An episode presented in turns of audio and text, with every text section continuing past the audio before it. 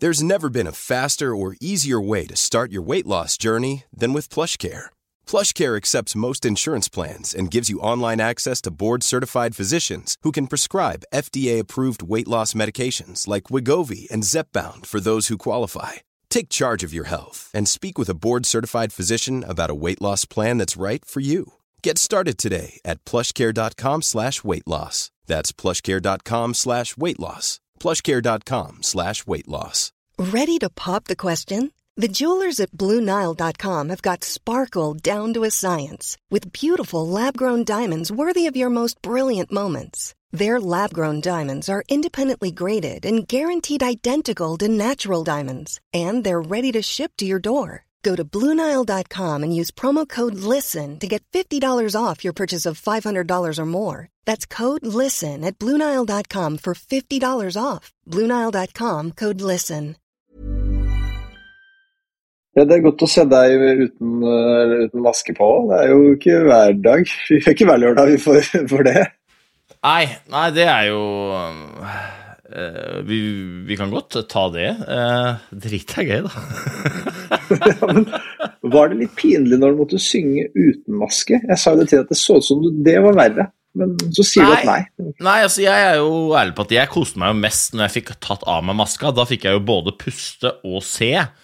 Eh, det som jeg syntes var litt vanskelig, var at eh, jeg fikk høre at når du tar av deg maska, skal du stelle deg på et sånt hvitt merke på scenen, og så står du der, og så synger du låta di. Eh, men Øystein liker jo å røre på seg litt. Jeg hadde jo et par uker tidligere sendt inn forslag om at jeg skulle gå på rulleskøyter på scenen. Og jeg hadde lyst til å gå på bordet til dommerne, men det fikk jeg streng beskjed om at det var ikke lov. HMS. Men så begynte jeg å synge, og så sto jeg på markedet og sa nei, jeg driter i det, jeg går litt. Og så må jeg i hvert fall bort og hilse på dommerne. Og så så jeg han derre Kvemmen, Kvemmen han ga jo totalt blaffen i HMS og sto oppå bordet. Så da, da ble jeg litt bitter på ulven. Var jeg ærlig på det. Men jeg syns ikke det var noe kleint i det hele tatt. Jeg syns det var helt, eh, helt rått. da, um, hvis jeg skal få lov til å si noen visdomsord rundt den der opplevelsen som jeg tror at folk kan relatere seg til, så vil jeg si det at ikke la forståelsen av at du ikke kommer til å være perfekt, stå i veien for at du kan få én, gjøre ditt aller beste, og to, få en vanvittig kul opplevelse. For det er klart at jeg skjønner jo at jeg synger hakket dårligere enn Bilal. Det, det skjønner jeg jo. Og selv om ikke jeg visste at Bilal var med, ja, og, og, selv om jeg ikke visste at Bilal var med når jeg meldte meg på, så antok jeg jo at det var nok flere som hadde øvd mer på sang enn meg. Meldte man, du deg på? Nei, jeg meldte meg. Jeg takka høflig ja. Men liksom, det er noen ganger du får Til andre som har lyst til å vurdere å melde seg på Maskorama. Ligger, ligger det inne på online-påmeldinga som Nymoen ordner på Skiforbundet, eller? Det, det, burde det gjort. Ja. Det burde jeg gjort. Men jeg tror fortsatt ikke folk hadde turt å melde seg på. Da. Når du får sjanser for å oppleve kule ting som du vet at du sannsynligvis ikke kommer til å prestere best i, målt mot de som er virkelig gode, så er det gjerne mange som trekker seg. Og det er poenget mitt at ikke la den innsikten av at du er dårlig til å synge, stå i veien for å én, bli bedre, to, ha det jævlig fett. Vet du, Jeg, jeg koste meg altså så mye. Finsk hiphop, total overtenning uten snev av uh, sangstemme. Eh, noe av det beste jeg har gjort. Altså freestyla. Uh, Verden har litt for lite finsk hiphop, uh, sunget av folk som ikke kan verken finsk eller hiphop. det, det, er ikke den klassiske karaokelåta der. Det er ikke, det er ikke sånn det er ikke, det er ikke, Nei, men den er veldig lett å lære seg. Rock the microphone. Det er, jo, det er jo en gruppe på Facebook som heter For vi som sier rockamacafo. Uh, så, så altså, Hvordan det, vet du dette, Petter? Nei, det dukka bare opp i en eller annen rar sammenheng. For det, det var greia var da at uh, den sangen var jo stor da vi var unge og lovende, hele gjengen. Ja, den er stor. Jeg kan gjerne høre på den, både når du synger og andre. Vet du, vet du, jeg har jo da uh, Jeg får jo påvirke noen av låtvalgene, i hvert fall. Og um, jeg har jo henta en del av de fra en spilleliste på Spotify som ligger åpent, og som hvis alle som liker finsk hiphop, syns den, liksom, den type musikk er litt sånn gøy Dette er en spilleliste laget av Jeg tror det er Espen Harald Bjerke, faktisk. Og den heter den heter Saggebukse Classics. Det er der jeg henter alle låtene mine fra. liksom det var sånne platinum bollebukser og, og bøffelosko som var inn. Nei, jeg hyller det. Det skjønte. Nei, men det, det, var, det, var, det, var, gøy. Men det var jo gøy vi, vi, er jo her for en grunn. Vi er her for å snakke ski. Ski står på menyen igjen. Og i helgen så var det et av årets høydepunkter. Det var Beitosprinten. Eh, vi får se hvordan, hvilken form er folk i, hvor ligger folk i landskapet. Eh, og det skuffer jo aldri. Eh, Petter, hva Hvem kan ikke starte der. Hvem er, hvem er det som har imponert mest nå i helgen? Det er jo litt sånn at det er forskjellige typer som står fram uh, hver dag. da. Altså Jeg syns jo i, i herreklassa så imponerer jo Håvard Moseby. Jeg lurer på om det var Var det Sju røte som var inne her og så ikke det var det vi ikke høre om. Sju røte var inne og la inn en liten teknisk protest her. Hører de meg nå? Nå hører vi deg loud and clear. Ja. Eh, jeg ville bare si det at Henrik Dønnestad han har jo imponert uh, meg vanvittig med løpet i går. Uh, han imponerte jo også for så vidt med åttendeplassen på, på lørdag, så han gikk jo to veldig veldig gode renn. Håvard Moseby er jo en annen herreløper som imponerer vanvittig med sin jevnhet. Uh, nå er det ingen av disse som vant, da, og jeg tror heller ingen av de to kommer til Roka. Så, men jeg som absolutt bør til Roka, og som jeg forventer og tar det for gitt at skal dit, er jo Kristine Stavås Skistad. Som, ja, ja. Eh, hun viste seg jo fram She's back. Ja, hun viste seg She's fram sånn lite grann i fjor òg, men, eh, men, etter et par ganske tunge sesonger sett i forhold til hva hun faktisk kan på sitt beste, så var det jo veldig veldig, veldig bra det hun gjorde på sprinten på fredag. La oss snakke litt om Kristine Stavås Skistad. Fordi hun kom jo inn uh, som et fyrverkeri i, i 2018. Beito 2018, eller noe sånt. 2018-2019. Kommer til VM gjør det jo, med alderen tatt i betraktning, ekstremt bra der. Og i en løype som, som utgangspunkt ikke favoriserer henne så veldig. Eller kanskje var det som favoriserte henne? Den var veldig gunstig for hennes del, ja. Så det, det har strykt det siste. Eh, men allikevel vanvittig imponerende. Og så kommer hun inn på landslag, gjør hun ikke det? På rekrutt eller på et eller annet sånt, og, får, og begynner å trene med det treningsregimet som landslaget har. Og så uh, Hva skjer, Øystein? Jeg lurer på om du har uh, dårlig lyd. Dårlig lyd? Og så vet jeg bare at du som lydansvarlig tenker mm, ja, det er litt sånn skur, lyden din i, ikke på den mikrofonen din. Bare sier det til deg. La meg, la meg, la meg uh, fikse det. For det er, det, dette er bra. Dette er veldig bra. Nå gjør du jobben din godt her. La meg, la meg komme inn og ut. Uh, hold den tanken. Velkommen tilbake. Takk. takk. Det er en ære å være tilbake med god lyd. Uh, hvor var jeg? Jo, Kristine Stavås Kista. Du var midt i en slags sånn uh, historie der. Lang historie. Ja, men det, det, er, det, er et poeng her. Det er et spørsmål ja, okay. her. Okay, uh, så Kristine Stavås Skistad kommer inn som en virvelvind, gjør det veldig bra. Kommer inn på landslaget, blir en del av landslagets treningsopplegg. Og, der, eh, og så hun jo, eh, presterer hun ikke som hun gjorde før. Hun var en del av landslaget og landslagets treningsopplegg. Hva foregikk der, og hvorfor klarer landslaget å liksom Skulle tro at når du kommer inn i et mye bedre apparat med de beste og de som tilsynelatende skal være de klokeste hodene, så vil du bli, få bedre oppfølging. Men her har det et eller annet som har skåret seg fullstendig. Ja, Det er nok ikke oppfølginga i seg sjøl som var for dårlig på landslaget til eh, unnskyld, til Kristine. Det var nok mer det at treninga som ble gjort der, var veldig ulik den treninga hun har gjort tidligere. Og da blir jo responsen at det ble for tøft. Altså det var en type trening som ikke passa hun uh, der og da. Og da gjorde hun helt rett i å gå ut av landslaget og ta konsekvensen av det. da. Uh, men når det er sagt, så tror jeg nok vi skal være såpass ærlige og si det at dersom hun skal bli stabilt en av verdens beste sprintere, så må kapasiteten opp. Og det var nok det gjengen på rekruttlandslaget til Doms forsvar da, eh, prøvde å ta tak i.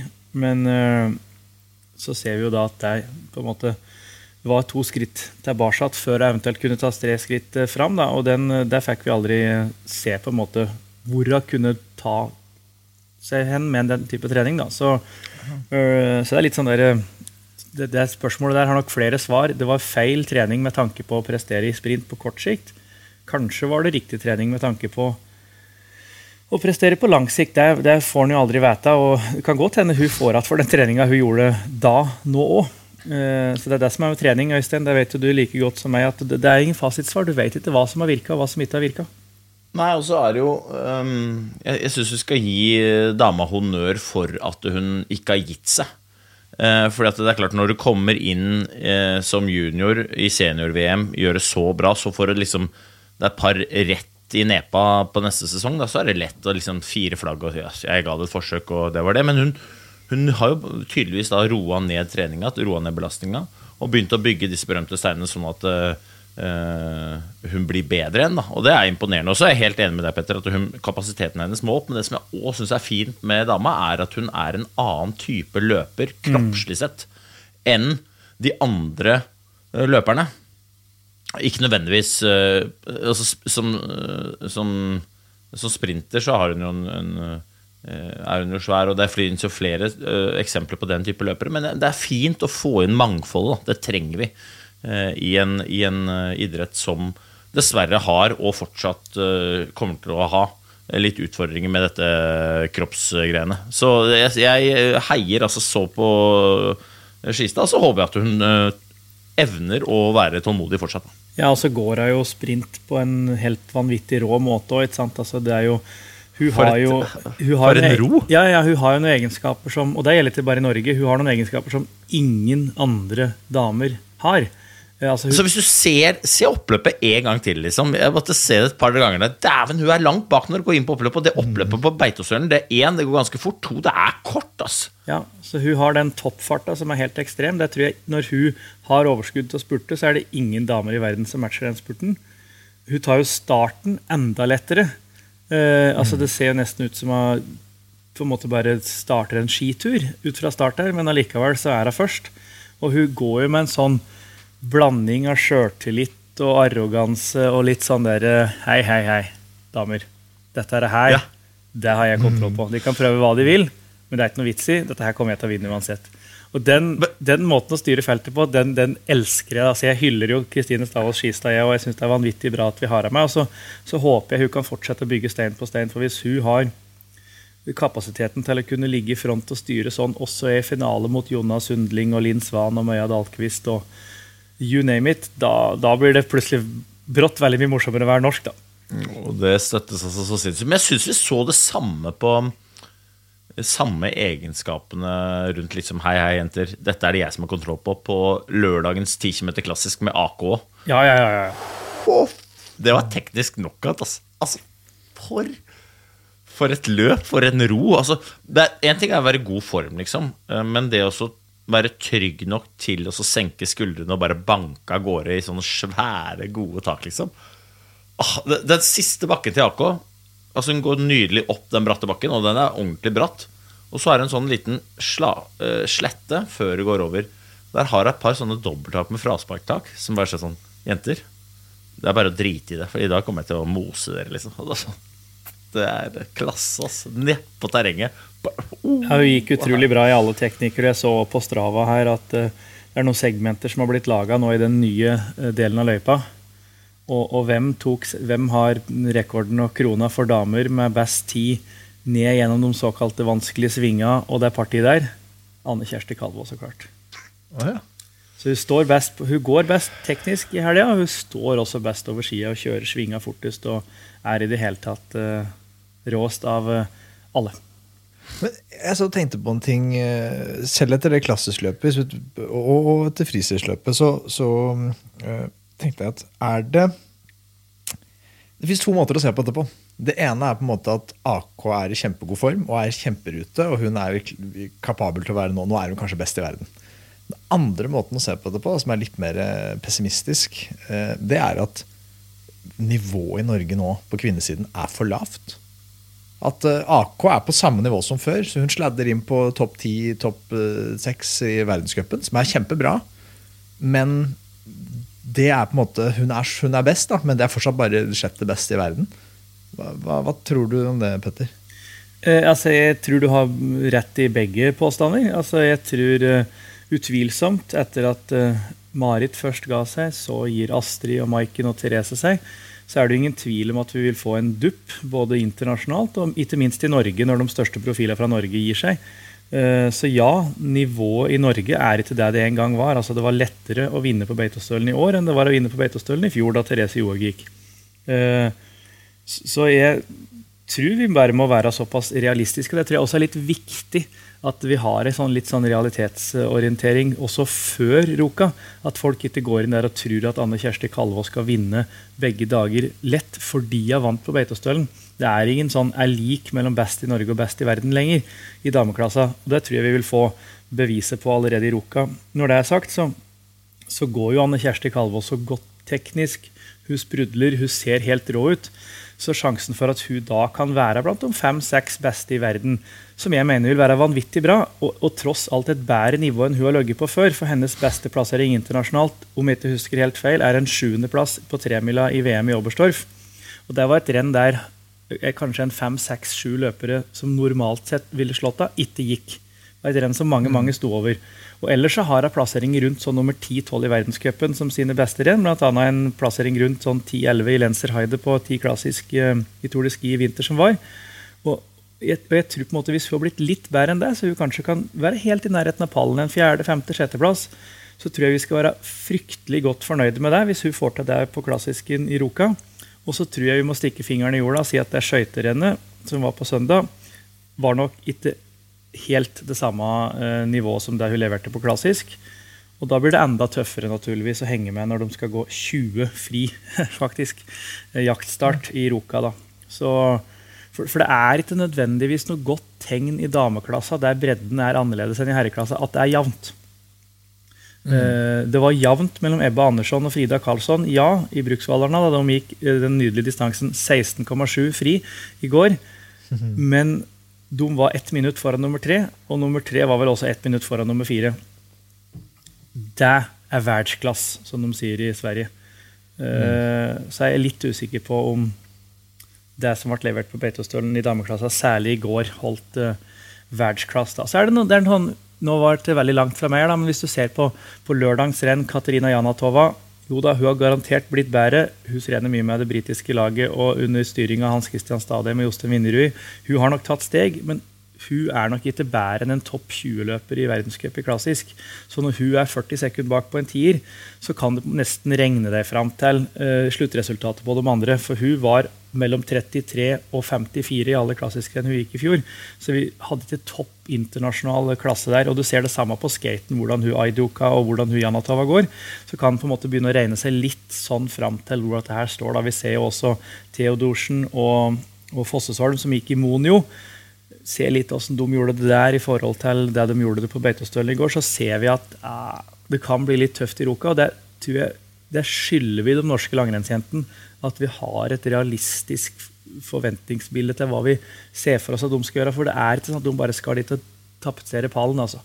Topp seks av Anne Kjersti Kalvå vil være et stort stort, stort steg i riktig retning mot at hun skal kunne bli en uh, pallkandidat kanskje allerede i løpet av sesongen. Og så tror jeg at uh, de kan få litt sjøltillit. Ja, jeg vil jo flippe på det. Det er fint at vi er hakket bedre i klassisk, tror jeg. For da er det da får du et godt utgangspunkt på jaktstarten. Mm. Og i den løypa så kan du da henge på presumptivt bedre skøytere. Eh, og så kan de få liksom en sånn selvtillitsboost. At ok, men jeg er jo med. Jeg er med i rennet. Og to, jeg presterer jo veldig bra. Som de kan dra med seg positivt inn i, inn i de neste helgene. Så jeg, jeg er enig med deg. at skal, Det blir nok ikke trippel norsk etter 20-meteren i i Ruka. Men eh, jeg tror de reiser hjem med smil om munnen, flere av de, og det, det er bra, da. Ingvild Flugstad Østberg. Hun er også tilbake. Ja, i aller høyeste grad. Hun gikk jo to helt ålreite uh, renn. Uh, ser ut som en uh, hva heter det for noe, uslipt diamant enn så lenge. Altså, hun har en, et godt godt stykke unna sitt toppnivå, både i måten hun går teknisk på, i krafta hun skaper, i farta hun skaper. Åssen jeg tør å kjøre utforkjøringer og sånne ting. Så litt sånn ute av det, men, men, eh, men veldig på gang. Og, og, hun er nok den som sammen med Heidi Weng har det største potensialet da, i det norske laget. Så hvis de to klarer å på en måte ta stegene og, og, og bli litt og litt bedre, kanskje få litt jaktstarter og litt fellesstarter og litt sånne øvelser som gjør at du ah ja, det var sånn det var, ja. Ok, det er sånn uh, farta er. Da tror jeg at det her kan bli veldig, veldig bra ganske så fort. Så vi er nok avhengig av at de hever seg i hvert fall ja, en plass mellom et uh, halvminutt og et minutt da, på, en, på en tier før det blir ordentlig moro. For de to du nevner der, de tror jeg reiser fra Beito med økt selvtillit. Jeg tror Heidi Weng virker som hun var veldig, hadde psyka seg selv ut og var veldig usikker. og Har jeg det fortsatt? Og, så videre. og jeg tror at nettopp det at nivået i, i norsk kvinnelangrenn er litt lavere nå, tror jeg var sunt. da. Hun slapp å være et halvannet minutt bak en dame. Eh, hun, hun, hun, var nummer to hun, i klassisk, og hun var ikke så forbaska langt bak. Så det, er, hun, det skaper en selvtillit. Da. Jeg tror det, Heidi Weng trenger bare litt selvtillit hun har jo alt. Hun, jo, altså hun, burde være i verdenstoppen og er i verdenstoppen. Hun må få høre det, og så må hun tro på det sjæl. Så tror jeg ja, hun er det, back. For det hjelper jo ikke å henge opp Post-It-lapper og si at jeg er god nok, hvis ikke du tror på det. Liksom sånn. så det, er jo, det, er som, det er som du sier, da, at hun, hun, trenger å tro på det. Og så tror jeg at hun øh, var ekstremt stressa før dette rennet. Så fikk hun bekrefta at hun er ikke så dårlig. Ok, men Da kan hun senke skuldrene. Og så syns jeg hun er veldig flink til å Det har hun alltid vært, men glede seg på andres vegne. Heidi kommer til å få det til. Hun kommer til å eh, kommer til å skinne når hun får tilbake fargene i kinna og smilet og bare slipper Stenberg på indre bane rett før hun skal ut og banke. Så tenker jeg det der kommer til å gå veldig bra. Um, og Ingvild, da. Hun er jo litt det samme. Det er, ikke, det er, ikke, det, er veldig forståelig da, at Ingvild er usikker på hvor hun står, og på en måte det er mye nerver og sånn. Men hvis du sammenligner f.eks. Ingvilds gåing med Anne Kjerste sin, da, så ser du så ser du forskjellen. Ingvild er jo fysisk kjempegod, og sånn, men du ser liksom AK gå med en trygghet og bare banker av gårde og liksom tar seg tid til å skape kraft. Mens Ingvild er mer opptatt av å gå, gå lett og, og, Ja, liksom Det går fort, forstå meg rett, men det er, det er likevel himmel og hav forskjell. Og Ingvild har jo det AK viser. Så det er bare snakk om å finne det. Og det, det kommer jeg til å gjøre, også. Så det her det, det, blir bra, da. Og det var så deilig å se. liksom Jeg må være ærlig og si jeg, jeg begynner å bli gammel mann, da, men jeg, jeg feller en liten tåre jeg, når Ingvild og Therese gir hverandre en klem der på direkten. Og jeg bare herregud, sitter inne i sånn der blått kostyme på, på, inne et studio i Nydalen og bryter alle regler om å ikke lov til å være på 5G. Men jeg må få med meg sesongåpninga, liksom. Ja, det var, det var deilig, ass. Ja. Er det, jeg bare tenkte på, som ikke vi ikke jeg skjønte, tror jeg, hvor, hvor imponerende var før nå. Men jeg, jeg, skjønner jo logisk sett at det å komme tilbake etter å ha vært ute lenge og usikker på hvor nivået er Du har liksom ikke gått på den konkurranseintensiteten. at det, det, er noe, det, er noe, vanskelig med Du trenger noen renn for å komme i form. Altså jeg, det er fortsatt litt abstrakt for meg, for jeg har aldri vært i altså Dere har jo i mye større grad prøvd dette i praksis. Det har aldri jeg gjort. Men, men Therese Johaug, liksom, hun har vært ute i, i to år kommer rett tilbake og vinner. Bare Og banker fra resten. Fra det er bare så sinnssykt imponerende. er ikke det? Ja, men Det sier litt om hvor god hun var òg, da. Altså, det, eller det sier alt om hvor god hun var. Altså, hun var jo øh, Altså, hun er jo den det, jeg, jeg, tror aldri vi har sett en sånn utholdenhetsutøver. Altså, vi skjønner ikke hvor god hun var, liksom. Det er helt tullete. Ja. Synd ikke vi får sett henne med sånn, løpeskoa på. Ja, men Nå sa hun Hun sa jo at uh, jeg, jeg, har veldig lyst til å prøve meg på maraton. Sa på sendinga. Da skal, skal løperne passe seg. Ja, Jan Post får lokka utpå der. For det, jeg er helt enig med Øystein. Sånn rent uh, kapasitetsmessig så tror jeg nok uh, Og da snakker vi ikke bare i Norge. det er ytterst, ytterst, ytterst få kvinner i, i moderne idrettshistorie som kan måle seg med det Therese har vist på kapasitetsfronten. Og så har du langrenn er såpass sammensatt med styrke og hurtighet og sånne ting som gjør at Marit Bjørgen uansett vil stå igjen som en bedre skiløper. Men, eh, men, hun har andre egenskaper som er langt over det Therese har på andre områder òg. Så det, det, er det som er litt sjarmen med langrenn. da. Så, men eh, jeg, jeg har messa om dette her på Twitter i mange, mange, mange, mange år. Da Norge sitt damelag var best i verden, og det var kjedelig, og det var norsk mesterskap, og det var tapetsering av pallen. og og dårlige utlendinger og bla, bla, bla. Så det har jeg sagt hele tida. Bare nyt det. Nyt det så lenge de kan. For det er sekundene den her legger opp, den her legger opp, og den her legger opp, og de nærmer seg 30 år. Nå er de 30 år, nå har de passert 30 år, de er langt over 30 år. Da blir det borte. Da blir det borte. For denne og da sitter de der, da sitter koret og hyler. Ja, ikke sant? Altså, det, det, dette husker jeg uh, Fattern var jo langrennssjef en gang i tida, og vi hadde mange diskusjoner. Hvor gode skal Norge være før det er passe bra? Altså, det, er, det, er, ganske krevende. Altså, skal du vinne Det er altså så Jeg ser for meg dere koser dere med middagen der. Så. Ja, Petter, Morten, jeg har en, dagens tema er Ok, nå skal du få litt mer greier til, Morten, og så skal vi snakke. Og det, dagens tema det er Hvor gode skal Norge være før vi er passe bra? Ja, ja, men... Dette blir lang middag. Bare å begynne. Varte hele uka. Ja, det er eh, Dag Oppgjørsmoen. Han, han jobba vel i norsk toppfotball. Han var trener på Raufoss i gamle der. Han sa at på Toten der skal du helst være verdensmester i å hoppe stutt. Altså hoppe kort. da. uh, der, så du skulle egentlig være veldig god i å være veldig dårlig. Uh, og det er uh, litt sånn er den norske mentaliteten fra de som følger med. da, At du, du skal helst være god men ikke bli for god. For da, det, du, er liksom et sånn sjikte du skal ligge inni her. Dette er jo janteloven du snakker om. Ja, men kan man ikke, Dette er jo litt Petter Northug var verdensmester på. For han var jo altså Vi husker han som verdens beste og, og, og så videre, men hvis du ser tilbake på Han vant jo ikke altså Han har jo selvfølgelig vunnet enormt mye, altså, men sammenligne det med liksom, eh, dominerende utøvere som Klæbo, som er best hele tiden, eller Dæhlie, som er best hele tiden, eller for så vidt Sundby, som er best hver gang det ikke var mesterskap. Nå er jeg litt stygg. Eh, mens Petter Northug han holdt det hele tiden spennende. Han var akkurat passe bra. For han var best når det gjaldt. Når, når, når det var femmil og mesterskap, da var han best. Men når det var, når det var liksom femmil og Kollen, da var han best én gang. eller sånn. Var ikke alltid best da. Og det var noe av det sjarmen som Petter Northug hadde, som jeg tror gjør at vi bare elsker han så mye mer enn jeg opplever at uh, man elsker Klæbo. da. Og Det er fordi Klæbo er liksom best alltid.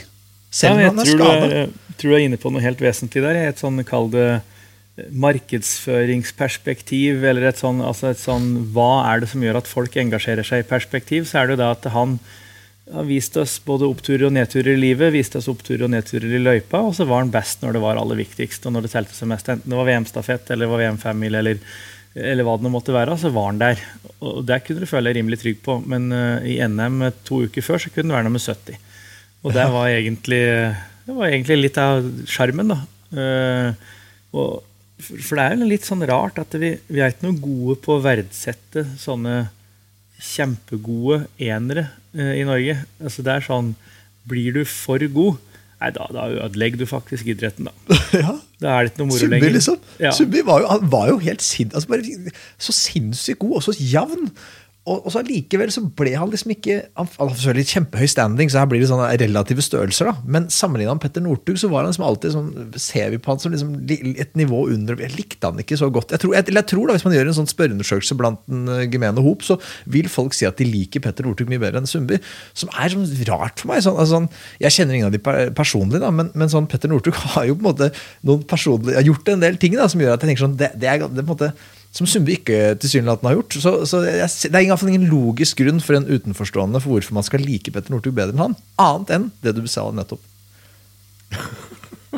ja, altså det er, Petter Northug, som jeg jo kjenner godt, jeg kjenner for så vidt Martin ganske så godt, men Petter han er nå i hvert fall sånn at du enten så elsker du den, eller så øh, hater du den. Altså, hat er jo et veldig sterkt ord, da, men, men altså, han, han deler Elsk òg, for øvrig. Ja, ja, han deler jo befolkningen litt sånn i to, føler jeg.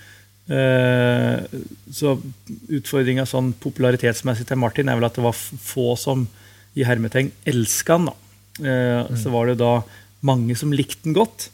Uh, og så var det en del som hata han bl.a. fordi han slo Petter Northug. og, da, og, da, og, da, har det litt sånn, da er det litt sånn kul sånn diskusjon gående. Hvorfor likte du til Martin Sundby? Nei, faen, altså, han slår Petter Northug, og han går hardt hele veien og blir spurt. Og... ja, kanskje, kanskje, var derfor jeg var så, kanskje var derfor jeg var godt likt, for jeg slo verken Martin eller Petter. ja. Tror du det? Og aldri best, aldri best variant. ja, du, du var aldri best. akkurat passe god. Utrolig passe. Ingen hanka sjetteplasser på pølsa, liksom. Det var liksom han, var mye, mye TV-tid, for han kom seg alltid til finalen. Snubla seg inn i finalen. Så det var liksom mye, mye Som i Maskorama. Det er samme. Spørsmål om mitt uh, humør og oppførsel generelt hadde litt å si der òg, altså. Men vi må snakke om gutta. Nå begynte vi å fare ut. Uh, gutta på Beitostølen. Gøy. Veldig gøy. Sprinten først. Even Northug, hvor er han? Eh, hvor god er han, tror du, med franskmenn og italienere og, og resten av verden til start? Uh, altså, jeg tror Even Han er like god uansett hvem det er som er på start. Ja, det er jeg enig med Øystein i. resultatet avhenger, avhenger, ikke av si, Du er like god akkurat som du er. Uh, men, uh, men, jeg tror Even Northug i fravær av Klæbo og Valnes hadde vunnet i verdenscup. den dagen der. Han hadde både ett og to gir til å gå på, og det er tross alt pallplass i forrige VM i klassisk sprint. Håvard Solås Høgbøl han, han rett og slett har full kontroll på. Og det er løpere som har verdenscupseier i sprint, det er løpere som har vært i finaler i sprint. Eh, så det er et internasjonalt eh, felt. Den, eh, både semifinalen og finalen på Beitostølen holder høyt høyt internasjonalt nivå. Så Even Northug har vært helt rå på trening i sommer. Han er helt rå på Beitostølen nå. og Jeg tror at han er god nok til at hvis dette her er hans på en måte stabile nivå, det ser det ut til å kunne være, så er han en pallkandidat hver eneste helg, både i skøyting og klassisk. Mm. Ja, det, det. Det er bra going, ass. Ja. Jeg, jeg, tok meg i å tenke fy flate. Jeg har savna familien Northug på toppen. Jeg. Ja. Ja. Altså, jeg har savna Thomas, jeg har savna Petter. Savna Jon nå, for så vidt. Og så kommer Even og bare sørger for at ja, men nå er vi der, liksom. Nå er det, det er for meg som en ny, et ny, nytt dykk ned i Saggebukse Classics-spillelista mi. Liksom. Nå får jeg det en gang til. Nå er det mer runde med freestyle. Det er altså så deilig.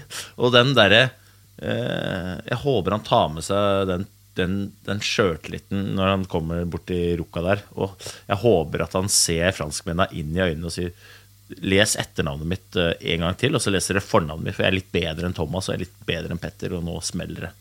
Så, fa, fa, det da, skal han, uh, da skal disse franskmennene få løpt. Altså. Da skal det være Digash, digage, allé, allé, allé. Da, må de, da må de løpe. Da må det løpes.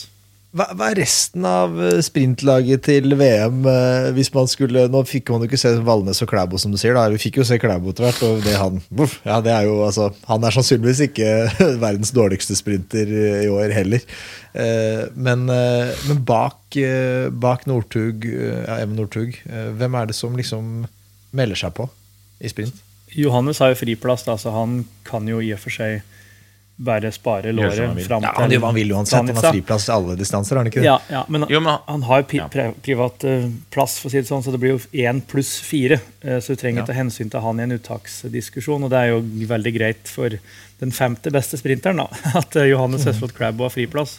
Så jeg tror jo det blir Erik Valnes og Even Northug og Håvard Høgbøl. De tre anser jeg allerede nå for å være rimelig klare. Og så står det jo da mellom Ettersom både altså Johannes har friplass, som sagt, men også Erik Valnes en såpass anvendelig type, da, som jo kan gå flere distanser, og Håvard Tøgbøl også kan gå en teamsprint, så, så, kan det tenkes at det blir plass til en ekstra sprinter. Da er det jo Sindre Skar og Sivert Wiig kanskje som er de som står uh, fremmerst i køa akkurat nå. Uh, men vi kan òg få en situasjon der det er så mange som er så gode på 15, eh, 30 og 50 km at du må på en måte si, spre risikoen og ta ut et så bredt lag at det ikke nødvendigvis blir plass til en ren sprinter til. Og da tenker jeg at Pål Golberg eh, ligger veldig, veldig, veldig godt an. Mm. Jeg støtter, eh, støtter 100% på, på sprinten så, så kom jo Emil Iversen, som i sine mer ungdommelige år var en eh, svært habil sprinter, klarte nok en gang ikke å komme seg videre fra prologen. Hva, så kommer lørdagen, da. Så kommer jo, kom jo, lørdagen og, og 10 km klassisk, og så får han revansj. Som jeg syns var utrolig kult. Det var et av mine de, de, de høydepunktene jeg satt høyest der fra, fra Beito-helgen. Ja, altså jeg, jeg, har jo da vært i den samme situasjonen som Emil Iversen på Beitostølen landslagsløper. Det, det, skal jeg skrive under på. Det er altså noe av det kjipeste jeg har vært borti. Og så ryke prologen som landslagsløper på Beitostølen da drar du hjem en sånn klump i magen. Bare sånn, faen, dette er ikke bra, ass. Dette er så langt unna bra som du får det. Eh, jeg håper jo at han eh, har fokus på det han gjorde på lørdag. For at han Nå skal ikke jeg si hvordan Emil gjorde det, men det jeg vet at jeg gjorde feil, når jeg liksom følte at jeg var pressa i prologen, var å gi alt. ikke sant? og du gir så mye at du går bare sakte. Du blir, du blir, anspent. Du går så langt unna Anne Kjersti Kalvo som du får det, da. Eller Skistad. Det, det, blir bare mas. Det blir bare, bare innsats. Og innsats alene er ikke nødvendigvis en suksessfaktor. Jeg håper at Emil senker skuldra, for han har det i seg. Jeg er helt overbevist om han har det i seg. Sånn, sånn gåing som han har der liksom, på, på lørdagen. Det, det, bare gjør det på sprinten. Jeg er sikker på at han gikk fortere på 10 km enn han gjorde det på loggen. så det er helt sikkert. Du må bare, bare senke senke liksom De berømte skuldrene er så slitt uttrykk, men liksom, det, det, handler om det. Komme seg nedpå og bare gå fort. Tror du det er psykisk? At det, det, at han har gått de siste årene går saktere i sprint, at han nå begynner At han er så nervøs for at han klarer å komme seg videre, at det blir en sånn derre det blir i hvert fall spekulasjoner. Det blir bare spekulasjoner, men jeg, kan, jeg er på jeg har vært i den situasjonen sjøl. Sånn, du, altså, du har så kort tid på deg, føler du, da. Så du tenker at nå må jeg gjøre liksom, Nå må jeg bare være sharp fra start. Og det er jo liksom Jeg tror jeg gikk like fort ut av stadion, ofte i prolog, som jeg gjorde på hurtighetsdrag. Og så vet jeg jo at når jeg trener hurtighet, så blir jeg veldig sliten etter 20 sekunder. Og så erfarte jeg det akkurat det samme i prolog. Men da er det igjen tre minutter, og da flyr du ut, og så krabber du inn, og da ryker du. da Og det er det som skjedde. Du krabber inn til mål, for du er helt ferdig. Det er, liksom, det er ikke innsatsen det er gærent med. Det er farta. Ja, jeg så jo, jeg sto jo langs løypa, så jo Emil gå prolog.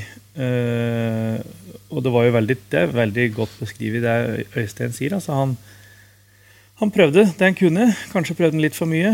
Og så må vi huske på at i en prolog i Norge som varer 2 12 minutt, så vi snakker ett sekund da, mellom helt full kontroll på å gå videre og fullstendig fiasko på 31.-plass. Mm. Uh, så, så, det er liksom så, så, så, marginer her, da. Så jeg prater jo med Mats, da, broren til Emil, rett etter rennet sa jeg syns Emil ser ganske bra ut. Ja. Så hvis han bare kjører på likedan i, i 10 km i morgen med litt lavere skuldre og bare lar det stå til, så er jeg sikker på at han er i form. Uh, og det, og det var han jo beviselig. For at det, jeg synes liksom ikke For du må huske på det, Emil Iversen er over 30 år. Og, og det tror jeg Øystein kan skrive under på. Det kan i hvert fall Petter Northug skrive under på. At når du, når du bikker en viss alder, så blir prologa det mest utfordrende. Altså det er den uh, ungdommelige liksom litt sånn der lettheten der du bare cruiser gjennom en prolog, og så kanskje får det litt i semien eller i finalen det blir litt sånn snudd på huet når du blir eldre. Det er prologen som er bøygen. Det går litt tungt, og herregud, så fort de går i kvartfinalen, men du sniker deg akkurat videre. Og så kjenner du når det begynner å bli semi og ikke minst finale, at dette her er jo full kontroll på. Nå er jeg jo helt konge. De andre begynner å bli slitne. Jeg har knapt begynt. Sånn som f.eks. Peter Northug gjorde i VM i Falun, der han vel ble nummer 18 eller noe sånt i prologen. Uh, og, og, er jo helt sheriff i finalen. Uh, og den prologen som Petter Northug gikk i et VM i Falun med bare fire utøvere for hver nasjon på start, den er jo dårligere enn den Emil Iversen røyk ut med uh, på, Lillehammer, nei, unnskyld, på Beitostølen nå. Så, det, er, det er marginer, altså. Så jeg, jeg tror Emil er inne på noe. Cool fact a crocodile can't stick out its tongue. Also, you can get health insurance for a month or just under a year in some states. United Healthcare short term insurance plans, underwritten by Golden Rule Insurance Company, offer flexible, budget friendly coverage for you. Learn more at uh1.com. There's never been a faster or easier way to start your weight loss journey than with PlushCare. PlushCare accepts most insurance plans and gives you online access to board certified physicians who can prescribe FDA approved weight loss medications like Wigovi and Zepbound for those who qualify. Take charge of your health and speak with a board certified physician about a weight loss plan that's right for you. Get started today at plushcare.com slash weight loss. That's plushcare.com slash weight loss. Plushcare.com slash weight loss. Siden du er inne på Emil, da. Um, tror du Emil var mest sint etter at han røyk ut av prologen? Eller når han satt i lederstolen og så at Johannes Klæbo kom i mål og, tok seieren? Jeg er klart sintest etter prologen, ja. Ja, ja, et, etter, ja, etter eh, klassiskrennet så tror jeg han bare var letta. Kjempeletta. Altså over at uh, det, kroppen det, funker. Grunnen til at jeg spør, er at jeg fikk en sånn følelse at det er ikke helt harmoni i laget. Når liksom Emil melder det han melder i media rundt skaden til Klæbo, liksom, er det er man i ferd med å lage et lag i laget som kan bli et uromoment på sikt? Eller er det jeg som uh, Ja, det er, det er jo ingen tvil om at det er jo grobunn for uro at én løper gjør akkurat det han vil hver dag hele året på sida av landslaget, samtidig som han er en del av landslaget. Det er jo, altså Vi bor jo i Norge, eh, så det, at du skal kunne behandle folk ulikt i Norge, er jo, eh, er jo helt uh, hårreisende i manges øyne, så det er jo absolutt grobunn for irritasjon. Men akkurat den kommunikasjonen fra Emil Iversen etter morgenen der, det tror jeg bare er Emil Iversen. Altså. Jeg tror ikke det er noe annet enn Emil Iversen som prøver å være litt artig. Kombinert med at han er litt sliten, kombinert med litt adrenalin, og sånne ting, så kommer det ut en del kommentarer som kanskje er sånn medium gjennomtenkt. da. Uh, og Så vet vel sikkert de som står på andre siden av de der røde plankene der, at uh, hvis jeg stiller han et litt sånt kritisk spørsmål, så kan det godt hende at jeg får et ugjennomtenkt uh, svar tilbake. Og det er jo det er klikk, det. Ja, Emil skyter fra hofta. Det vet media utnytter seg. Altså. Nei, jeg tror ikke det er noe Men en annen ting, da. En annen ting.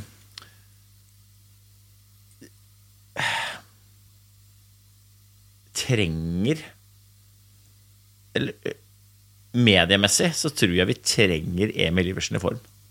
Ja, ja, ja. ja, ja. Det, det, må jeg bare si. At det, Flata Hvis ikke Emil Iversen hadde vært ute og meldt litt, liksom, så hadde det vært Og dette er vondt å si, men da er det litt ah, det er veldig pressekurset til Norges Skiforbund. Jeg føler at det er veldig Og det er liksom det vi snakka om før òg. Jeg, jeg, tror oppriktig at eh, den derre man har blitt oppdratt, man blir oppdratt, tror jeg, i, i idretten, og, og, spesielt i Skiforbundet, til at media er noe skummelt. Man skal være veldig forsiktig, og alt du sier kan bli brukt mot deg som skal, gjør at veldig mange blir sånne hva skal man kalle det, de blir sånne, de blir sånne liksom følelsesløse sånne, eh, de, de, tør ikke å si hva de faktisk mener. Og det, gjennoms, det, det gjennomskues. da. Ikke, folk flest er ikke dummere enn som så. Vi skjønner jo vi hva som skjer.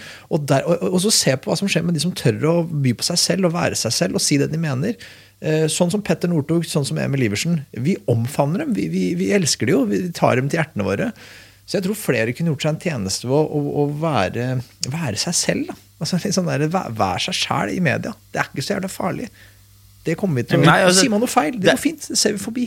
For det er litt skummelt at eh, det var noen som sendte på Twitter at det mest interessante hittil på Beitestølen sånn mediemessig var bikkja til Oddbjørn Hjelmeset. Det er sånn det er, ikke, det er ikke noe godt tegn. Vi må, vi må, klare å skape mer liv enn at vi må få Oddbjørn, som er en fantastisk fyr, og bikkja til å redde oss mediemessig, liksom. Det, det, det, altså, det er jo, Ikke misforstå, det er ingen tvil om at Oddbjørn bør gå rundt med en hund rundt alle idrettsarrangement, tenker jeg.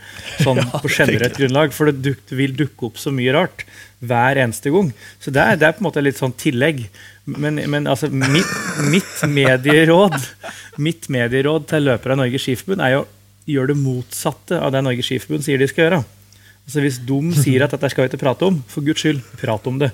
Hvis de sier Motsatt, da? Ja, de, mener det. Altså For disse råda, altså det, Og det komiske er jo at vi har da en ledelse som sier at løpere må på mediekurs, fordi det da dukker opp litt sånne såkalt ubehagelige saker i media.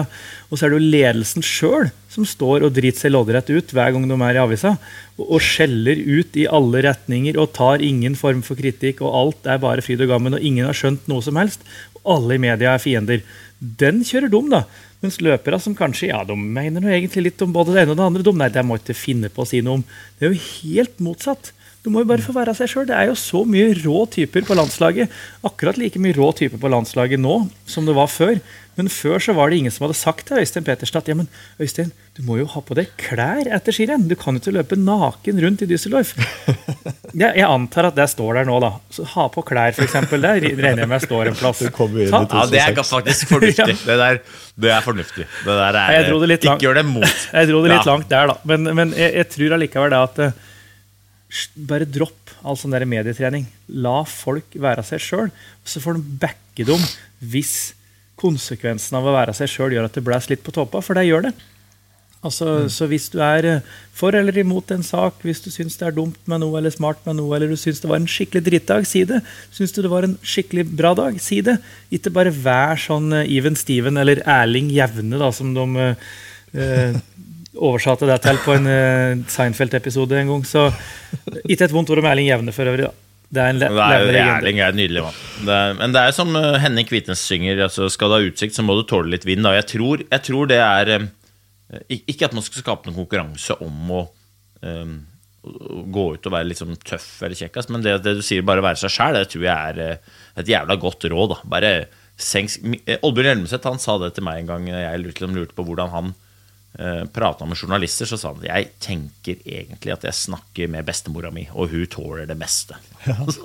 Søre på. Men til det du sa der med at folk er ulike, jeg vil trekke frem en annen som jeg mener er jævlig flink i media, og det er Hans Christer Holund. Han er en helt annen perso type person enn det Emil Iversen er. Men jeg tror på han. Jeg føler han er seg sjæl. Han tør å si hvis han er misfornøyd. Han tør å si hvis han mener ting dette var dårlig av seg selv. Eller han, han kan tørre å si fra. Da. Han tør å, å, være seg selv, men han er, på, han, han er, seg selv på en annen måte enn Emil Iversen er seg selv. Fordi de er to ulike personer. Men begge er i min mening de, de to, kanskje de to beste i, i media. I ja, jo, jo, altså, HC er genuin. HC er ekte, eh, altså, og han gjør seg til tell. Og det er som du sier, folk er ikke dummere enn at de gjennomskuer det. Eh, så han er seg sjøl, det kan jeg skrive under på. Det meldes nok enda litt hardere på, eh, i sofaen hvis vi ser en film, enn det gjør på TV. Der òg. Men, men, men, han er seg sjøl, og, det, og det, det, er ikke verre enn det. Altså, for alle vil ikke like det uansett. Så, så noen syns Emil Iversen er uh, ufordragelig for den melder ditt og melder datt. Ok, ja, men da får de synes at han er ufordragelig. You can't please them all. Og HC Holund, samme greia. Jeg syns jo HC uh, imponerer i helga, altså. I, I, den løypa, uh, med den farta uh, og Det er teit å si med den teknikken, men jeg sier det. Jeg synes, Dæven, jeg syns han imponerte. det må jeg bare si. jeg gleder meg til å se han når vi får dratt på noe skikkelig rufseføre og litt motbakker. Altså, da HC tror jeg er bra. Altså. Ja, så var det veldig åpenbart å se at landslaget herrer hadde dårlig regi enn eh, de andre i, i teten i, i, går på skøyterennet. Og det tror jeg vi skal også ha litt sånn i, i mente når vi prater om skøyterennet. At uh, jeg tror det var andre lag enn Norges Skiforbund som traff best. Og det skal være lov. Det er en del av gamet. Uh, men da ser du òg hvor gode ski de har når de treffer. Så det var litt sånn kollektiv svikt, og det forklarer jeg med noe så enkelt som at de hadde litt dårligere ski enn resten, og da røyner det på både litt fart og litt krefter og sånn her og der, og da blir det fort en ja, si 15-20 sekunder dårligere på en tier, da, og der ville vært forskjellen på at landslaget var 1, 2, 3, 4, 5, eller kanskje sånn 1, 2, 4, 7, 8, eller noe sånt, og så at det sprer seg litt mer utover, da. Uh, og det er en del av gamet. Det er Biler skal gå godt i Formel 1, og skia skal gå godt i langrenn. Sånn er det bare. Men fy søren, Klæbo, da. Eh, jeg ga han jo Eller i hvert fall la opp til at eh, litt sånn pepper rundt eh, lag i laget, men for en skiløper, altså. For en altså, Sånn som han går på ski. Hæ?!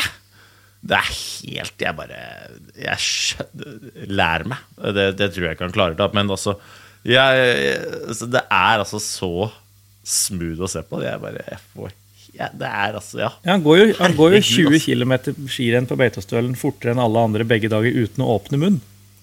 Mm. Og det syns jo jeg er et eh, altså han, han, han, puster med nåsa hele veien. Han så ut som, altså det, det, var så kontrollert, det var så bra, og det så ikke ut som det kosta noen ting. Jeg syns jo han kunne jo kanskje smilt da han kryssa målstreken og så at eh, kroppen fungerte. For å være grenser hvor mørkt og kontrollert alt skal være. Men, men bortsett fra det, så, så var det var helt, helt, Han er så god, han. Og jeg tror han kunne gått med topp ski og topp form og topp dag, så tror jeg han kan gå en 30-40-45 sekunder fortere enn han gjorde på Beitostølen. Og da er det jo rett og slett uslåelig. Ja, altså, det, verste, synes jeg, det verste alt var når det kom til første passering på skaten i går. Det er bare Så fort. Så rolig. Det, det er for meg jeg, jeg, har aldri Hvis jeg hadde vært bak der, så hadde liksom ja, Da, da, da hadde Sarinen sett ut, sett ut som is, en, en isdanser i forhold. Altså, det, jeg hadde sett så dårlig ut ved siden av Klæbo nå. Jeg bare orker ikke å tenke på åssen Herregud, altså, han er god. Jeg, ja, Det må jeg bare si, Johannes. Du, du, hører helt sikkert ikke på, men uh, kan ikke noen som hører på, som kjenner Johannes, si at det, pølsa uh, hyller det der? Altså, det oh, men, men ja. altså, eh, Klæbo, det, det, her må vi jo må vi snakke masse om. Uh, og vi kommer til å snakke masse om han de neste åra, sannsynligvis òg. Men men han, han, kommer inn til Beito, og er, først er det usikkert om han skal gå i det hele tatt. Han sier han har en skade, og han, han skal gå, men han kommer i hvert fall altså det er liksom, det er, Den skada preger han så mye, og er, han skal, hvis han skal gå, så er det kun for gjennomkjøring. Altså det, er sånn, det, er bare ikke noe å tenke på. Og så går han så rolig og så kontrollert tilsynelatende som, som du sier. Og, og, som du sier, går inn i mål og snakker ikke én gang i intervjuene om at, om at han vant. og det, så han bare sånn, ja, nei, Det viktigste var å teste han formen, og jeg fikk gjort det. Og, veldig kontrollert, og så, så irriterende kontrollert. Eh, og, og, det tror jeg var det som Emil Iversen hadde et uttrykk for. At han, man blir litt Eh, frustrert og provosert. for at uh, han, han, kommer inn, er best i verden, så gidder han ikke engang å liksom anerkjenne det. Han gidder ikke å anerkjenne at han, at han er vinner. Han gidder liksom ikke å, å sette Tilsynelatende er han ikke fornøyd med å vinne. Og de som kommer på andreplass, de er jo dritfornøyd. De jubler. Og bare Feir litt, da. Bare i hvert fall ta i den, om ikke for deg selv, for de andre. Uh, og så er liksom takeawaysen her er Enten så er det sånn at, uh, at Klæbo er for litt for tidlig form, eller er, er, i veldig god form, altså, uten å vite det selv. og det er bare litt sånn høyde hva enn det er som skjer her. Eller så er han bare tatt enda et steg, og nå, nå er han så uh, god at vi, ser, vi, kommer aldri til å se oss tilbake. Altså, han, kommer til å, han bare kommer til å vinne med 30 sekunder i verdenscup òg, da. Hva, ja, hva er det takeaways? Ja, men jeg, jeg, tror på en måte Klæbo for der må vi være helt ærlige på. at Jeg, jeg tror ikke Emil Iversen gikk sitt beste renn gjennom tidene da han ble nummer to her. Uh, Men tror ikke Klæbo heller gjorde det? Nei, nei, nei, og jeg tror heller ikke Henrik Dønnestad er verdens nest beste til å skøyte. Uh, og, det gjør at uh, jeg tror Klæbo, som har vunnet så mye nå, og som er så god, jeg tror han kjenner at dette her er ikke bra nok. Jeg tror han kjenner at okay. dette her matcher ikke Bolsjunov og Niskanen. Jeg tror han kjenner at dette her er ikke like bra som når Krüger går ti fri på sitt beste. Så jeg tror han på en måte Ja, det var en gjennomkjøring. Det var en hardøkt. Dette var helt greit. Tilfeldigvis gikk ikke de andre fortere, så jeg vant. Eh, men det er egentlig underordna. Jeg følte meg helt ok. Jeg er glad for at skaden uh, ikke var verre enn den var. Og så får vi bare jobbe på videre. Så jeg tror han, han er så god nå at måte, resultatet blir underordna. Han er konkurrerer kanskje mest med seg sjøl. Men hvis Klæbo skal bli folkehelten, ja, ja, ja, så tror jeg han skal gå ei runde med seg sjæl rundt akkurat det Hans Olav sier rundt det, og så respektere at uh, det er noen som gjør en sinnssyk jobb bak der, og som er kjempefornøyd med å bli nummer ti. Uh, og da kan du, i respekt for de, vise litt glede over at du gjør det jævlig bra. Selv om du kanskje ikke gjør ditt beste renn, så vinner du. Og vis litt idrettsglede. For det er det det dreier seg om. Og signalet du sender, eh, kan være skummelt. At hvis ikke du vinner med masse, så er det dårlig. Nå er det ikke lenger nok å bare vinne, men du må vinne med masse. Eh, og i et forventningssamfunn hvor press på resultat og på prestasjoner er ganske høyt, så er det Jeg tror han har vært tjent med å være litt ydmyk i forhold til at fy faen, så god jeg er. Jeg er altså så happy camper med at kroppen fungerer og får lov til å være her, og jeg vinner og dritfett. Og så har jeg kanskje noe å gå på, men i dag så har jeg fokus på at drita gøy. Det, det, tror jeg han Hvis jeg skal jobbe Eller gi han noe råd, så ville jeg gitt det som råd. Uh, og så er jeg ærlig på at uh, jeg også tror han har mer, mer å gå på. Uh, men jeg, jeg tror han, um, han, tjener på det, da. Jeg er helt enig. Det er ingen tvil om at han er i en posisjon nå der han må passe på at han ikke bare er populær fordi han går fort på ski. Altså, for da er du uinteressant det sekundet du ikke lenger går fort. Og da er det vanskelig hvis du går dårlig som skiløper. Og det er også vanskelig etter karrieren en dag er over, hvis du har tenkt til å jobbe med noe annet. Og det, jeg tenker som så at han går ikke noe saktere hvis han smiler litt. Han går ikke noe saktere hvis han bjuder på litt i intervjusona. Og så kan han jo komme på kan ringe både morfar og, og, og fattern og, og brutter'n og hele gjengen han og, og, sitt team og ringe Arild og si at nei, det syns jeg egentlig var ganske dårlig. At de andre er enda dårligere. Det er driter jeg i. Det er deres problem. Jeg må gå mye mye fortere skal jeg bli best i verden, og det er mitt mål. Uh, og jeg syns ikke kroppen svarer i det hele tatt. Jeg syns det var et møkkarenn.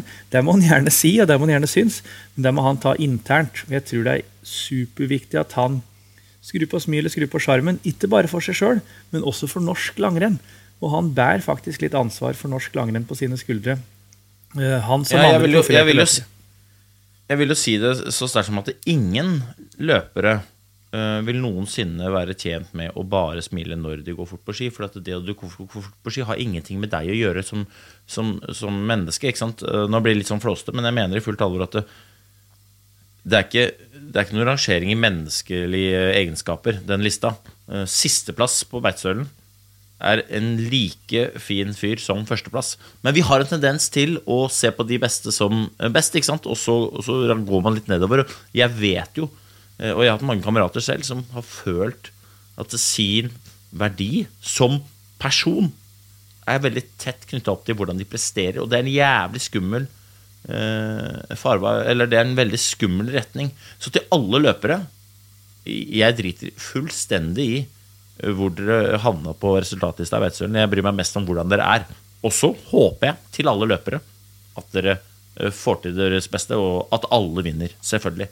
Men sånn, når jeg møter deg, så driter jeg i hvor fort du flyr gjennom eh, kunstnerløypene på Beitostølen i, i tights. Også. Det, og det, det, det, er viktig, det, er et jævlig viktig budskap. Ja. Og så, tror jeg, jeg tror det er helt rett om det du sier med Claudor. Jeg tror at hadde, man, hadde han sagt det du altså, For meg er det ikke så viktig at han nødvendigvis skal, altså, bare skal være happy camper, for det tror jeg ikke noe på. Hvis han, hvis han, genuint føler det som du sa. Det er mulig han gjør. Men si det, da. Ikke vær så forbanna. Det er den kontrollerte jeg, jeg, tror, det er litt tilbake til, jeg tror ikke det er helt autentisk. Han blir for kul. Han blir for sånn ah, kaster hit, kommer i mål. Ja, jeg bare kom i mål. Ja, du er best, da. Enten må du på en måte være fornøyd, eller så må du være Det blir sånn, ja, bare sånn tilforlatelighet. Så bare gikk han, de vei. Ja, best i verden står i intervjusona og sier liksom bare de rette tingene. Istedenfor å si det der. da. Han har sagt det at skal jeg være helt ærlig, ja, jeg er best, best, i Norge nå, det ser jeg, jeg merker meg det. Jeg tror ikke de andre utøverne er på sitt beste. Eh, og, og, og, om de er det, så er de dårlige av dem. Eh, for jeg kjenner at jeg er ikke god nok. Hvis jeg går sånn som dette, da vinner jeg ikke i Rukka, jeg vinner ikke i VM. Så jeg må, jeg må ta meg sammen. Derfor er jeg ikke mer fornøyd. Bare sånn så dere vet det. Han har sagt det. Jeg hadde trodd på ham, jeg hadde digga det. Faen så kult at ja, ja. Han, tør å, han tør å melde det. 100% Og det samme hvis han hadde sagt at han syntes det var sjukt digg å vinne. At han syntes det var sjukt digg at låret funka. Yes. Jeg tror fortsatt ikke at dette her er et veldig bra renn, men jeg syns det var vanvittig moro. Og jeg glemte at jeg var skada, og jeg yes. plutselig kjempa om seieren. Og den følelsen den gir meg så mye. Hadde den bare kostet på seg, for jeg er sikker på at noe av det vi har prata på nå, det har han følt. Uh, og følelser er ikke noe du kan skru av, men på en måte åssen du viser dem, er jo noe du styrer. Uh, og, og, da tror jeg han er tjent på å på en måte bare ta av håndbrekket litt på denne følelsesgreia og så uh, vise fram hvem han er. Da. Men jeg må bare En liten kommentar til det Øystein sa da, om at dette med at du på en måte likestiller menneskeverd med resultatlista.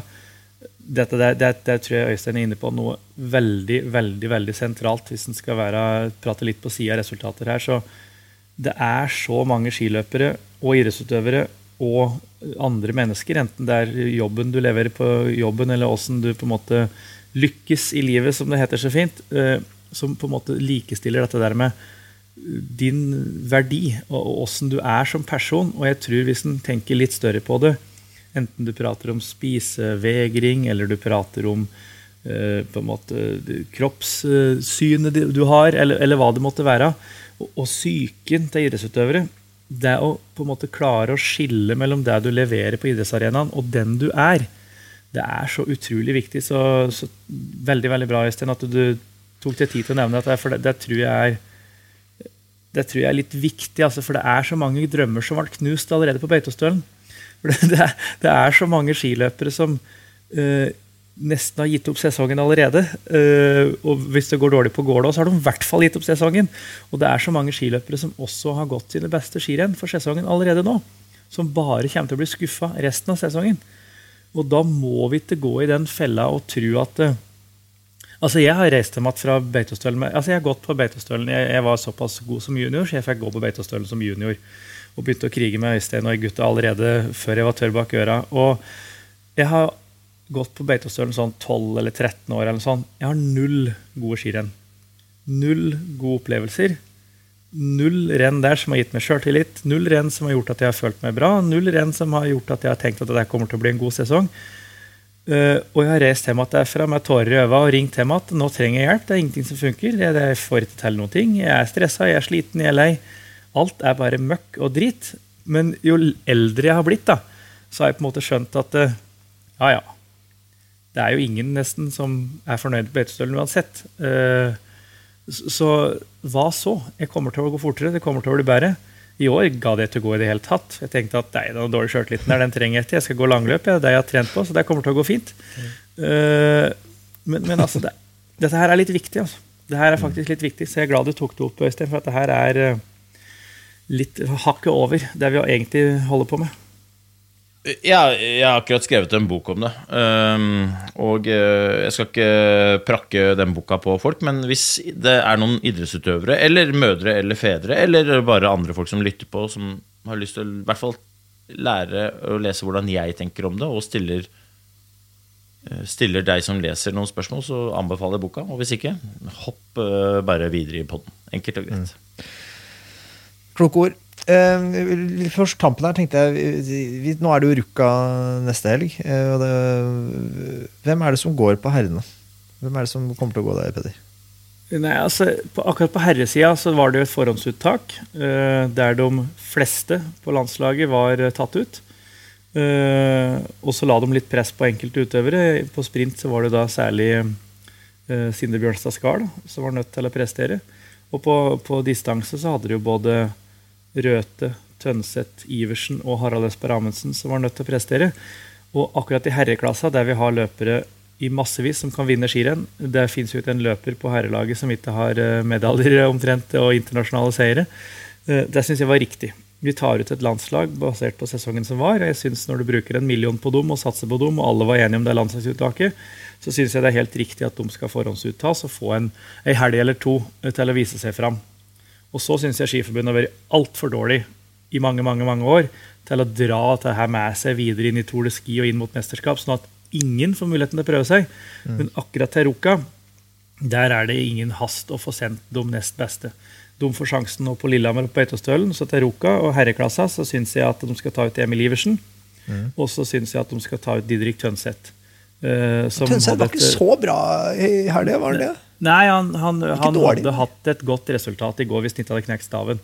Ja. Uh, og vi må klare å se litt forbi resultatet, for uh, der står det også i sesonginformasjonen at uh, eliteløpere som viser form, vil bli prioritert. Og det er ingen tvil om at en Harald Østberg Amundsen rett ifra covid og en Sjur Røther rett ifra omgangssjuke er dårligere enn både Didrik og Emil. Alternativt så kan du sende Håvard Moseby. Ja, Henrik Dønnestad har det beste enkeltresultatet, men Håvard Moseby har over lang lang, lang tid nå vist at han er den som er soleklart nærmest landslaget i snitt. Og skulle man tatt, tenkt litt langsiktig, hatt økonomi til det, så burde nok han vært på landslaget allerede i år. Uh, så Moseby eller Tønseth det blir litt tips om happ. Enten så tar du ut den som sannsynligvis presterer best, eller så tar du ut den som skal prestere best i åra som kommer. Det blir riktig uansett. Eh, og da er jo Henrik Dønnestad en naturlig reserve. da. På sprint så blir det vel da Skar. Eh, eh, og der er det jo da to plasser, og da tenker jeg at det blir Sivert Wiig. Jo, Simen Brattberg Ramstad, min klubbkamerat fra Wien idrettslag, var nummer fem. Men han Lucky loser i kvarten, lucky loser i semien, har ingen store resultater å vise til fra før. Sivert Wiig har det, så da tenker jeg at akkurat til Roka så er det Sivert Wiig som bør, bør være med da, hvis det blir hvis det blir plass til han òg. Så eh, Damene? På på, på damesida så tenker jeg helt motsatt. På damesida så gjorde de ikke noe forhåndsuttak. Og det er litt sånn har du sagt A, så må du si B. Da tenker jeg det at når du innrømmer ved å ikke gjøre et forhåndsuttak, så innrømmer ledelsen at vi vet egentlig ikke hvem som er best i Norge akkurat nå. Det kan være Ingvild som ikke er på landslaget, det kan være Astrid Øreslien som går langløp. Katrine Harsem knuste oss i rulleskirenn. Kanskje er det noen jenter på rekruttlaget. Vi aner ikke hvem som er best, så vi gjør ikke noe forhåndsuttak. Når du da har gjort det, så mener jeg da forplikter han seg til å si at sorry, Julie Myhre. Sorry, Marte Skånes. Sorry, Mathilde Myhrvold. Sorry, Anna Svendsen av ulike grunner så er ikke de i form ennå. Nå kan de gå norgescup på Gålå, få gode renn der, trene på snøen som kommer på fjellet nå i Norge. Så skal de selvsagt få gå både på Lillehammer og på Beitostølen. De skal få sjanser i skøytesprint, i klassisk sprint, i distanserenn og tjo og hei. Men nå må vi ta ut Skistad, vi må ta ut Hartsmelling, vi må ta ut Hedda Østberg Amundsen. Vi må ta med oss Ingvild Flugstad Østberg, vi må ta med oss Silje Theodorsen. Og vi må kjøre toppa lag per dags dato til Ruka. For det trenger norsk damelangrenn akkurat nå. Og hvis vi skal tenke litt langsiktig, så trenger vi jo selvsagt å få i gang Skistad. Vi trenger å få i gang hardt smelling. Ingvild Flugstad Østberg må matches på en fornuftig måte. Og da tenker jeg at smi mens jernet er varmt. Kom deg ut til Ruka.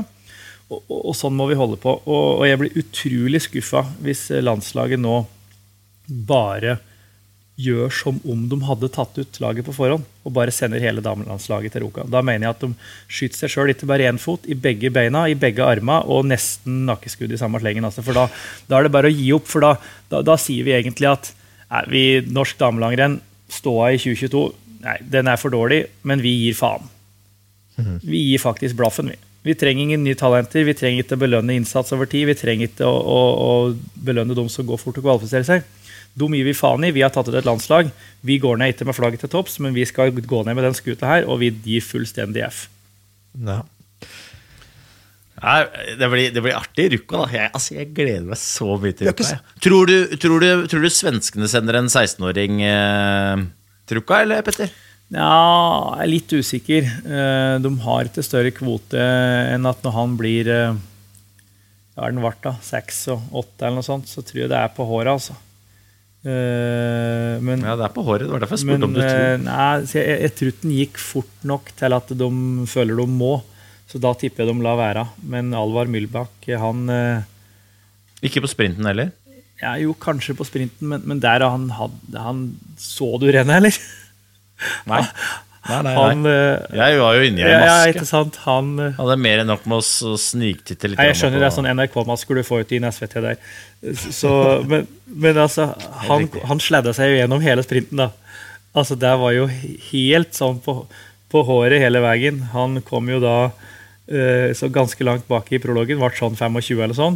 I kvartfinalen så kom han sladdende inn mellom to spor der, sparker borti litt folk og dytter litt folk, og folk slo oppgitt ut med armene. Og, og, det var i, i, finalen der så var det en som fikk sparka staven, og en som datt, og han kom videre. og alle både kvart, Det var litt sånn Bradbury-tendenser på det. da, Så jeg tror på en måte hvis de ser bak den prestasjonen, så ser de at ja, Eh, når du blir 25 i svensk åpning, så ryker du i prologen i Ruka. Vi gidder ikke å sende deg dit. da. Jeg burde lest, jeg burde sett Hvem er dette? dette er ung svenske, du har nevnt han for meg, Øystein, at det var en, en 16-åring svenske herreløper som, som, kommer ut av intet og, og ser vanvittig skummel ut med tanke på fremtiden? Ja, altså, dette er uh, Alva Myllbekk er, er, et kjempetalent. Uh, dette er Kjempebra for svensk herrelangrenn, da. Altså, det er jo liksom Kjempebra for langrenn kjempebra for langrenn. Uh, og så skal ikke, Vi skal være veldig forsiktige med å hause opp uh, denne guttungen for mye, så han føler på det berømte presset. Da. Men uh, det er veldig gøy å se, se sånne talenter. Og så går han Han går vanvittig bra på ski. Ass. Det er rett og slett jævla moro å se på han. han er, ja, han er rett og slett God en, Ja, ja, han, han, ja, ja, ja, han, trener som en vaksinkar, og han går som en vaksinkar, for å si det sånn. Men det som var litt Og ser Han, ser, han er nok hakket han var nok hakket mer utvikla enn eh, den gjengse tolvåring når han var tolv. Det tror jeg. Altså, han, ja, han er jo han er 1,90 og bred over skulderen, han er, han er slank. da, så Han ja. er ikke sånn stor sånn uh, bråta. Nei, nei, nei, men han er liksom Jeg har jo sagt det at Sondre Turvold Fossli ble født kjønnsmoden, og jeg, jeg tror nok at uh, Alvar er i, i, nærheten av samme. Liksom. er Liksom, Men samtidig litt sånn babyface, da. Sondre Fossli hadde vel eh, helskjegg i konfirmasjon, så det blir jo litt sånn eh, ja, ja. enda Asterix-tendenser. Men, men, han Alvar der, da, han er Men sånn er det når du er på lag med han der Makkan. Da er du litt sånn babyface. jo, du blir det. Du blir det. Det blir ja. det. Selv jeg hadde, jeg hadde ikke nødvendigvis blitt helt uh, boyband-materiale, men uh, kunne i hvert fall jobba i kulissene. Ja, ja. Nei, men altså, han, han, Alvar der, da, bare for å ta litt kort om han, han er jo da sønn av Peter Milbakk, som er uh, smøresjef for Sverige som også var en veldig god sprinter. Uh, som Øystein kanskje rakk å gå noen skirenn mot helt i starten ja, av karrieren. Ja, uh, og, og, han Alvar har bodd i Trysil blant annet, for å kunne trene på ski og ha et godt apparat rundt seg på hjemmebane. Og han går på skigymnaset Skjernskolan i Torsby og, og, og jobber ut ifra det, men er da en del av lager 157. og er nok også en del av svensk langrenns planer framover. Men han, han, trener vanvittig eh, mye, og vanvittig bra, da, åpenbart. Eh, for det funker jo. Og så går han jo teknisk og på en måte er liksom sånn solid da, på en sånn litt annen måte enn en 16-åring ofte er. Men så gikk han jo da sin første sprint da, i karriera og ble nummer tre i svenske senioråpning. Hadde aldri gått sprint før han. Uh, det forklarer jo kanskje litt den der sladdinga inn mellom spor der og krangling med stort sett alle i hele feltet. da. Uh, men, men han er utrolig litt, spennende. Det krever litt selvtillit å tørre å krangle med alle i feltet. Altså Å være 16 år ja, ja, ja. og ta den, det kreve den plassen. jeg tror det er det som er ja, men jeg tror det er det som er litt greia. At han er 16 år. Hadde han liksom vært 18 og skjønt litt mer sin plass i hierarkiet, så tror jeg ikke han hadde turt å gå være sånn. Men hvis den er 16 og tenker aldri gå sprint før, ok, jøss, her var det trangt, liksom. Ja ja, bare Så er det litt ja, sånn, da. Og, og, og, apropos jubling, han jubla i prologen, han jubla i kvarten, han jubla i semien, og han jubla i finalen. Så alt var bonus. Absolutt alt var bonus, og jeg, jeg elsker det. Men apropos svenska, da. Hugo Nilsson. Ja, Der har du liksom det motsatte av Klæbo, da, som bare vinner og ikke jubler. Så har du Milbeck, blir nummer 25, svensk åpning i prolog og jubler. Det er jo det er jo fire, tre runder for tidlig, men det er, litt, det er, noe, det er noe befriende. Jeg elsker, jeg syns det er helt nydelig, men, men, alle som følger langrenn litt tett, da, har sikkert sett en som heter Team Nilsson jr., en sånn hurtighetssvenske som hoppepadler like bra som Ludvig Søgn Jensen. Han har Kan du ikke si at alle som følger Du sa alle som følger langrenn litt tett. Alle som følger langrenn veldig tett. jeg, jeg, jeg, jeg, føler det litt tett, men, men Sju-åtte stykker har fått med seg Team Nilsson jr. på Instagram. Uh, han, Hvor mange av de heter Skinstad til etternavn? Tre av sju, da. Originalskinstaden følger ikke riktig så mange ennå. Vi skal få lagt inn, så blir det åtte, da. Men, men uh, han Hugo, da, uh, 16 år, ble nummer 13 på 15 fri i åpninga i går. Så Sverige har en del eh, altså Hvis William Poroma er eh, frelseren da, av svensk langrenn, så har han i hvert fall han en flokk med disipler som kommer subbende etter der. Så, så dette her kan bli moro for Sverige framover. Altså. Hvilke andre internasjonale er det man har eh, som kommer til å For at Russerne bare sånn det siste der nå, de, de får jo ikke gå. Og sannsynligvis ikke gå i det hele tatt. Verken verdenscup eller VM. Ja, De kjører jo sånn eget opplegg med sånn russisk cup. Så de har gått skirenn i helga, de òg, for så vidt. Altså det, de, det, trenes der òg, det tror jeg vi kan slå fast. Eh, det er ikke bare krig de holder på med, de trener litt òg. Eh, så det er jo for så vidt greit. Men eh, altså, jeg syns jo tyske damen så veldig lovende ut i Monio. Krista Permakoski sliter litt. Niskan så solid ut i Taivalkoski finsk cup her nå i helga. Der var det to brødre, Ville og Olli Ahonen. Ahonen er jo et nydelig finsk idrettsnavn. De så bra ut på sprinten. Eh, Niskan stakk jo hjem igjen fra Monio etter å ha blitt slått av både de hele norske landslaget omtrent på klassisken og Friedrich Moch, han tyskeren på, på skøyterennet der, og er nok litt usikker inn mot Ruka. Det betyr jo at han vinner i Ruka, da. Uh, og så syns jeg jo franskmennene har et sterkt lag, gjør en god jobb. Pellegrino og De Fabiani og gutta har jo fått inn Markus Kramer, uh, han uh, som gikk fra Russland, da, tyske treneren der, inn der som trener tror Italia vil heve seg som lag. Eh, jeg syns egentlig det ser ganske lovende ut. USA, Diggins og Kern og gjengen har reist over fra statene til Ruka og ligger der og lader opp. Bruker å være litt slow starters, men jeg tror vi kommer til å få en vanvittig spennende sesongåpning i Ruka. For det er Nå skal gutta gå 10 km. Uh, vi har ingen Therese Johaug som kommer til å ødelegge alle andre i Ruka og alle andre renn. Dameklassa kommer til å bli tettere enn kanskje noensinne. Uh, og herreklassa, der er det så mange gode, og de skal gå kortere enn før. Så jeg, nei, jeg gleder meg. altså. Dette her kommer til å bli helt rått. Kommer til å bli helt rått. Med de ordene så tenker jeg bare virus. Så snakkes vi. Grip dagen. Tjo!